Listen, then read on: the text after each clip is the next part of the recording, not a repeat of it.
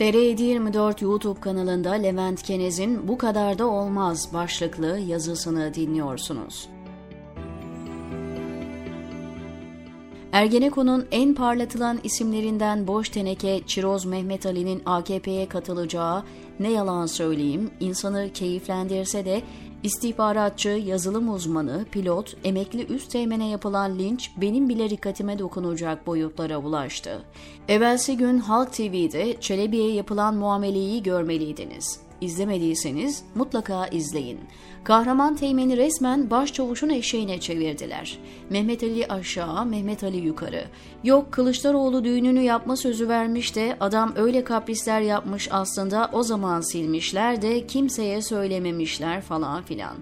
Eleştirirsin, bize ihanet etti dersin, bu ne çelişki dersin ama bir milletvekiline böyle muamelede bulunamazsın.'' Yok vallahi gülmüyorum yazarken. Alemdeki en yalancı ergenekonculardan Çelebi dahi bunu neden hak etmedi anlatayım. Şimdi kumpas davaları kumpas davaları diye tek kalem açta Mehmet Ali'nin unutturmaya çalıştıkları sicilini bir cümleyle hatırlatmak lazım.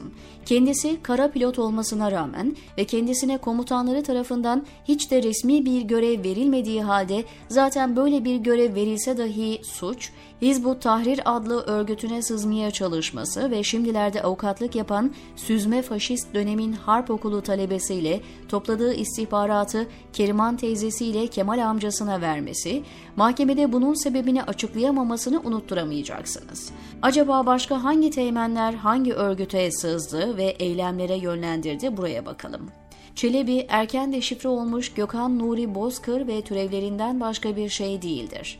Bir de telefonuna yanlışlıkla yüklenen numaralar var ki hata yapılır yapılmaz tutanak tutan polislerin kendisi. Bunu savcıya bildirenler aynı polisler. Yani mağdurumda mağdurum diye üstünde tepindiği belgeyi kendisine verenler polisler. Davanın hiçbir aşamasında delil olmayan telefonundan bahsettiğimi belirteyim. Bu hatayı yapan polisin, on binlerce masum polisin meslekten ihraç edildiği ve hapse atıldığı Türkiye'de halen görevinin başında olduğu notunu da ekleyeyim. Bu ne anlama geliyor biliyorsunuz. Gelelim bizim çakma kahraman teğmeni savunmaya. Şimdi herkes elini vicdanına koysun. Çelebi mensubu olduğu örgüt kontenjanından CHP'den milletvekili yapıldı mı? Yapıldı. İstese hiç etliye sütlüye karışmadan çakma kahramanlığının da yardımıyla laiklik, mayiklik tekerlemeleriyle CHP'de yıllarca milletvekili olabilir miydi? Elbette. Onlarca vergi israfı CHP milletvekili gibi rahatına bakabilirdi. Ama Çelebi asla öyle yapmadı. Her zaman sorumlu ve sadık bir örgüt mensubu olarak rahatı tercih etmedi. 2018 seçimlerinde bütün ülkeyi dolaşıp sandık gücü adı altında CHP'nin müşahitlerini örgütledi. Kendisi de yazılım mühendisi olduğu için sandık oylarını anında girmek için bir sistem kurdu.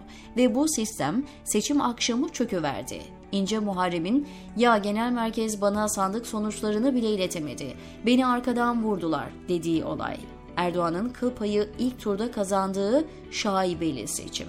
Akşener, İnce, Demirtaş ve Karamollaoğlu'nun aday olmasına rağmen %50'yi ilk turda geçebilmişti. Çelebi üstüne düşeni yapmış mı, yapmamış mı? Sonra ne yapmış Teğmen? Seçim gecesi her şeyi yüzüne gözüne bulaştırmasa, ayık kalıp bir iki görünse büyük ihtimalle CHP'nin başına geçecek İnce'nin CHP'yi bölmek için kurduğu partisine adam lazım diye gül gibi kahvehaneyi, miskinler tekkesini bırakıp istifa etmedi mi? CHP'de senden çok var başka yerde lazımsın denilince yeni tayin yerine intikal etmedi mi? Orada boş durdu mu? Kendisini haklı bile olsa hapse attıran, ülkede laikliğin ırzına geçen, hayatta hangi ilkesi varsa tam tersini savunan AKP ile mücadele edeceği beklenirken, örgütün yaptığı anlaşma gereği muhalefete muhalefet yapmadı mı? CHP'yi ülkeye ihanetle suçlamadı mı? Altılı masaya AKP'den daha fazla saldırmadı mı? Muharrem İnce'nin poz çıkması ve yeni sistem stratejisi çerçevesinde tayini AKP'ye çıktıysa onun ne suçu var, diyor Levent Kenez TR724'teki köşesinde.